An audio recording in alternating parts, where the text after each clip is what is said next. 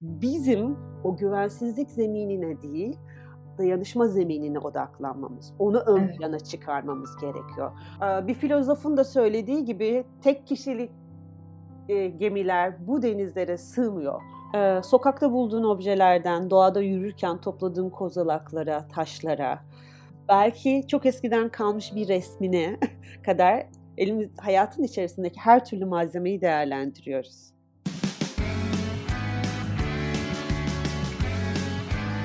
Görecek, duyacak, bileceksiniz. Kısa Dalga Medya. Merhaba sevgili İlham Verisi dinleyicileri. 2021 yılı Mart ayından sesleniyoruz sizlere. Yani aslında bugünler farkındaysanız COVID, COVID'in resmi ilanının birinci yıl dönümüne denk geliyor. Ve hastalığı iyice tüm detaylarıyla tanıyoruz, biliyoruz, nasıl korunacağımızı öğrendik. Fakat e, bu süreçte yaşadığımız kısıtlamalardan, bu tehdit duygusundan, aşıyla daha yeni buluşmuş olmamızdan kaynaklanan ağır bir e, sıkıntı bulutu içinde de yuvarlanıyoruz. Ruhsal direnç testine tabi tutulmuş gibiyiz. Bu ruhsal sorunlarla baş etme yollarından biri olan sanat terapisi üzerine konuşacağız bu hafta. Konuğumuz Neslihan Demigüven. Hoş geldin Neslihan. Hoş bulduk Melis. Kanada'da sanat terapisi alanında 3 yıl süren üst lisans eğitimi aldığını biliyorum. Ve halen e, mezun olduğun okulda asistan olarak çalışıyorsun. Online terapilerine devam ediyorsun. Ee, öncelikle bir uzman olarak e, dışa vurumcu bir sanat terapisti olarak gözlemlerini çok merak ediyorum. Memleketin ruhsal anlamda hal ve gidişi nasıl sana göre? Ben son üç buçuk yıl içerisinde e, eğitim aldığım süreç içerisinde iki defa Türkiye'ye gelme zamanım oldu. E, fakat pandemi döneminde yaklaşık bir buçuk yıl ayrı kaldım. Geldiğimde ilk dikkatimi çeken şey buradaki enerjinin oldukça ağırlaşmış olduğu. Çok havaalanından indiğinizde çok sert bir enerjinin yüzünüze vurduğunu söyleyebilirim. Özellikle karantina dönemi ve sonrasında ve yaptığım sohbetlerle, yakın çevremle, iş hayatındaki kişilerle yaptığım e, sohbetlerde bunun nereden kaynaklanabileceğini e, ben de kendime çok sordum ve bunu merak ettim. Ve gördüğüm kadarıyla bunun temel nedeni, bu ağır enerjinin temel nedeni e, Türkiye'deki güvensizliğin çok fazla artmış olması. Ee, özellikle politik, ekonomik ve sosyal düzlemde e, yaşam maalesef bu güvensizlik zemininden akıyor. Sana göre insanların birbirine güvenmemesi ruhsal bir problem anladığım kadarıyla. E, sence ne, neden güvenmiyoruz birbirimize? E, yani bunda kutuplaştırıcı siyaset dilinin e, etkisi var. Bu kesin ama sanırım sen başka dinamikleri de işaret ediyorsun. Başka dinamikler üzerine de kafa yoruyorsun. Çok doğru söyledin. Ben öncelikle Kanada'ya gittiğimde ilk fark ettiğim şey stabil bir ekonomi ve terör tehlikesi olmadan insanların güvenlik zemininde nasıl yaşadıklarını görmek oldu. Bu çok şaşırtıcı bir deneyimdi. Bu bana aynı zamanda bu coğrafyaya çok farklı bir perspektiften bakma imkanı verdi. Covid ile beraber geçmişte yaşamış olduğumuz travmalar tetiklendi.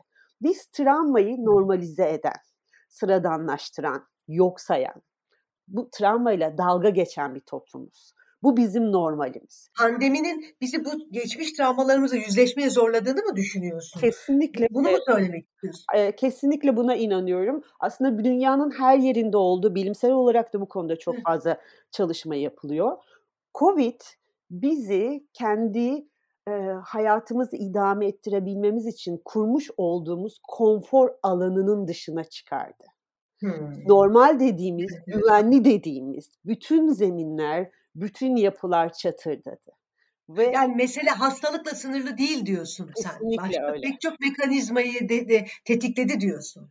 Pek çok hmm. mekanizmayı tetikledi ve biz zaten geleceği öngöremediğimiz bir dönemde aynı zamanda geleceği öngörememenin stresi, anksiyetesiyle uğraşırken bir yandan da alttan kalkan tortularla, alttan kalkan, kalkan travma tortularıyla baş etmeye çalıştığımız bir hayatın içinde bulduk kendimizi.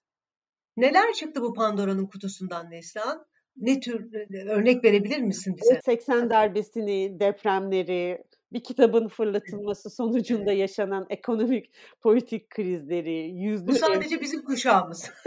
Bu sadece bizim kuşağımız. Yaştan bahsetmeyelim. İşin, en yakın dönemde işit bombalarını ve sayısız başka travmayı e, sunabil, e, söyleyebiliriz.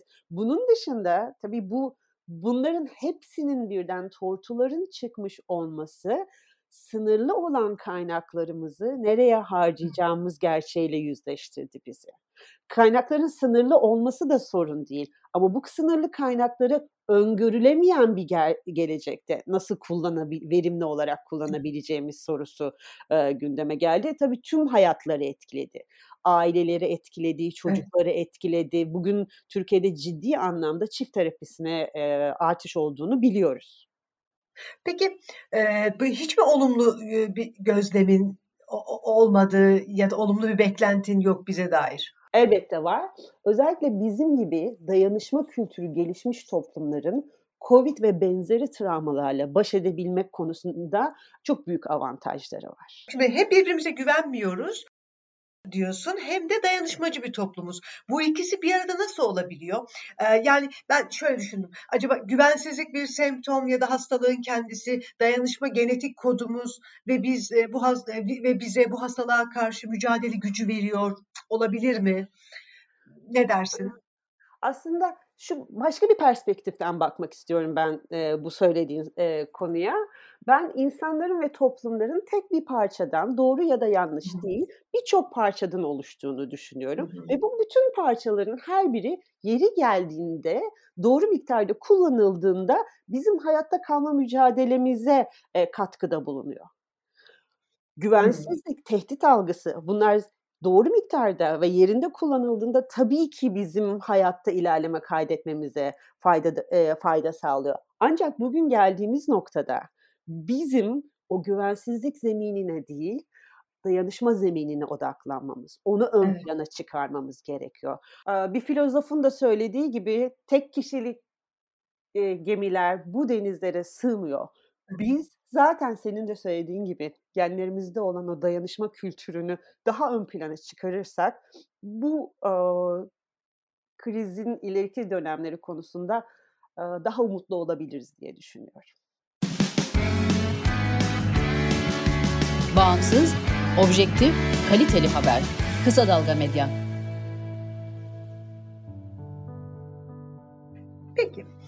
Biraz artık senin uzmanlık alanına doğru geçelim.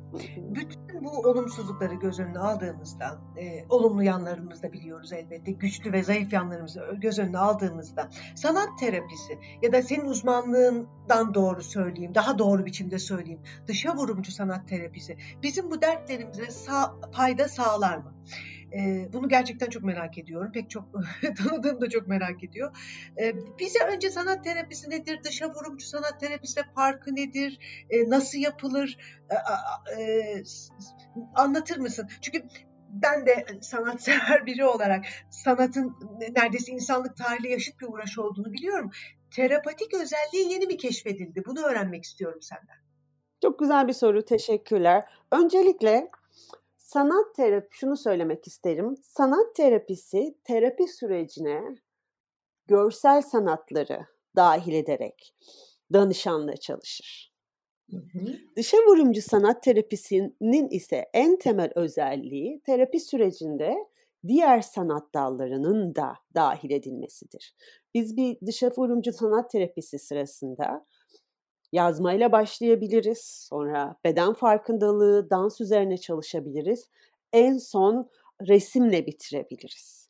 Intermodal dediğimiz her türlü sanat aracının terapi, terapi sürecine dahil edilmesi işin en önemli noktası bence. Böyle bir terapiye katılmak için insanlar belli bir yetenekleri olduğunu, sanatsal bir yetenekleri olduğunu düşünmeliler mi? Kesinlikle böyle bir şeye gerek yok. Dışa vurumcu sanat terapisinin en önemli özelliklerinden bir tanesi herkesin yaratıcı potansiyelinin olduğu noktasıdır. Bizim hı hı. düşük yetenek, yüksek hassasiyet dediğimiz bir prensip var. Aldığım eğitim sürecinde ve ha, e, halen de hayatında ilk defa pastel boyayı eline almış olan mülteci çocuklarla da çalıştım. Bizim yaklaşımımız sonuç değil, süreç odaklı olduğu için bu sürecin, terapötik sürecin sonunda çıkan her şey bizim için çok değerlidir. O yüzden kimsenin Picasso olmasını, Mozart olmasını ya da çok iyi bir dansçı olmasını beklemiyoruz elbette. Önemli olan o süreçte o yaratım sürecinin içerisinde kalabilmek ve onu değerlen hep beraber değerlendirebilmek. Büyük olasılıkla katılımcıların da çok şaşırıyordur değil mi? Ürünlerine baktıkları zaman seansın sonunda çıkan işe baktıklarında. Ee, çıkan iş dediğim Müthiş gibi... bir farkındalık yaratıldığını düşünüyorum burada. Kesinlikle öyle. Burada farkındalığı yaratan temel şey aslında sanatla bizim poesis dediğimiz sanatla düşünme, sanatla kavrama prensibi. Bu prensip de temel olarak insanın bedeniyle bağ kurabilmesini ön plana çıkarıyor. Çünkü sanat dediğimiz şey aslında e, duyulardan geçiyor. Biz sanat aracılığıyla farklı duyularımızı aktive ettiğimizde sadece aklın değil, bedenin de bilgeliğine ulaşabiliyoruz. Genel terapiler, genelde terapiler sözlü olarak yapılır. Söz bizim evet. rasyonel zihnimizle bağlantılıdır. Ama biz sanat araçlarını kullanarak çok daha farklı duyularımızı aktive ettiğimizde ortaya çıkan sonuç bir beyaz kağıdın üzerinde siyah bir nokta bile olmuş olsa, siyah bir çizgi bile olmuş olsa bizim onunla kurmuş olduğumuz ilişki bizi terapötik anlamda zenginleştiriyor. Çok güzel anladım. Bir yan bir teknik olarak da psikologların, psikiyatristlerin kullandığı bir teknik galiba. Kesinlikle. Değil mi? Böyle evet, bir şu anda çok yaygın olarak özellikle Türkiye'de psikologlar, psikiyatristler, klinik psikologlar sanat terapisi eğitimleri alıyorlar. Görüyorum çeşitli kurslar var. Hangi en çok hangi gruplarda ve vakalarda işe yarıyor Neslihan? Öncelikle çok ağır patolojik vakalarda tek başına sanat terapisinin yeterli olduğunu düşünmüyorum ben. Ama özellikle günümüzdeki temel sorunlar, anksiyete, depresyon, travma, geçiş dönemleri. Geçiş dönemleri dediğimiz şey aslında çok o, vurgulanan bir konu değildir ama ben bizlerin hayatında çok önemli olduğunu düşünüyorum. E, herhangi bir şehir değiştirme, okula yeni bir döneme, okula başlama, göç, maalesef Türkiye'nin ağır bir gerçeği. Ölüm, yaz.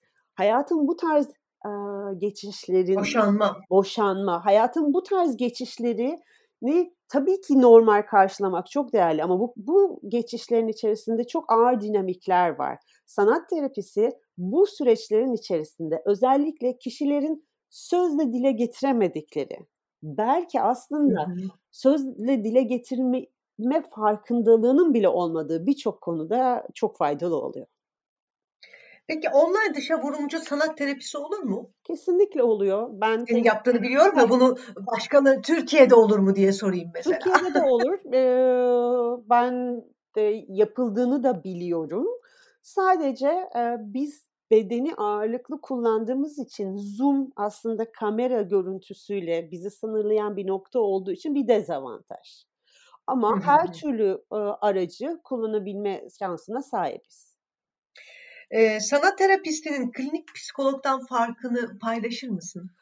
Sanat e, klinik psikoloji teşhis koymak ve tedavi etmek üzerine çalışıyor ve sö- söz ağırlıklı. Yeni e, dönemde farklı araçları da kullanıyorlar klinik psikologlar ama söz ağırlıklı çalışır. Daha önce de söylediğim gibi dışa vurunca sanat terapisinin en önemli e, özelliği elbette biz de sözü kullanıyoruz.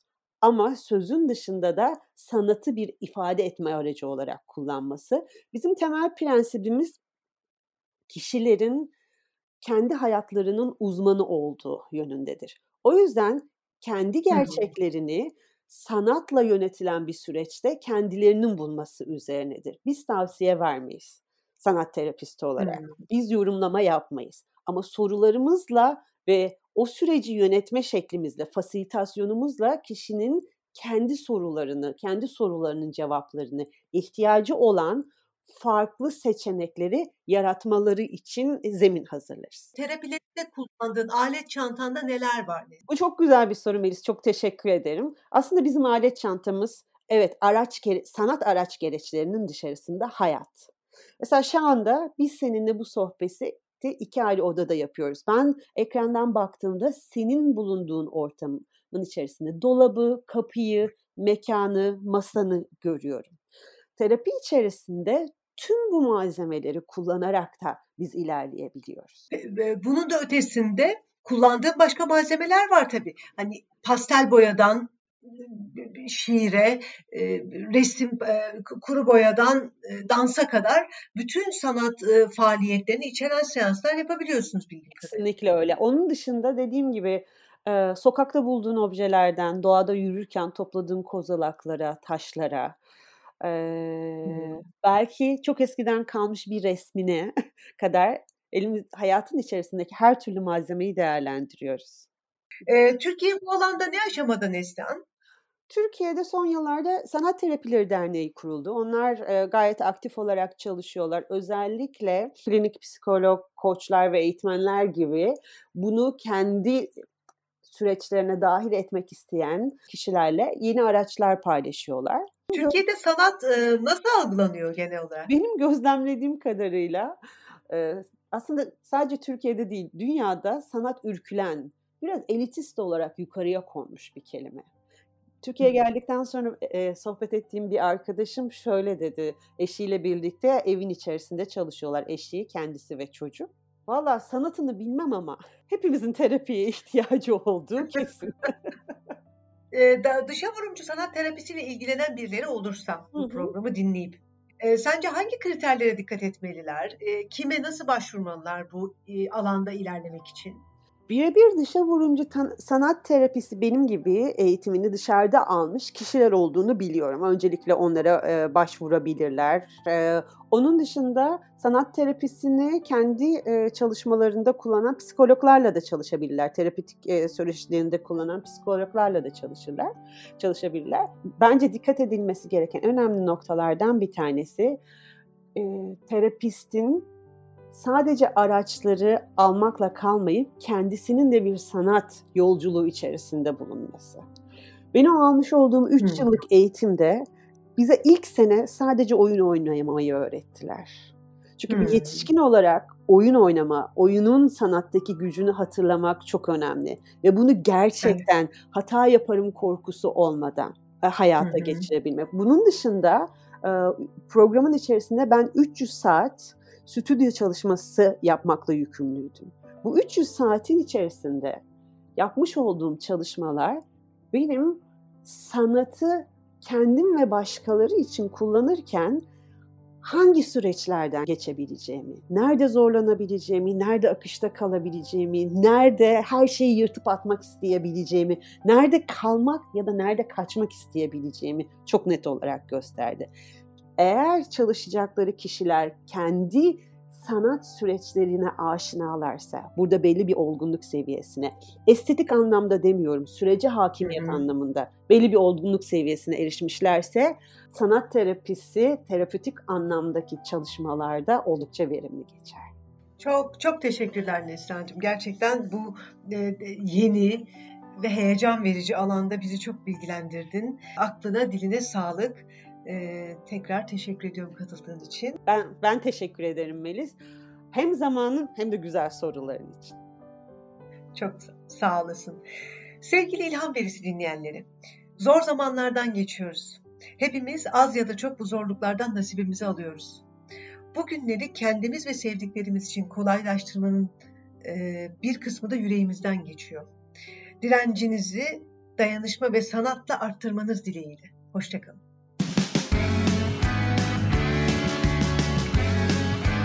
Oku, dinle, izle.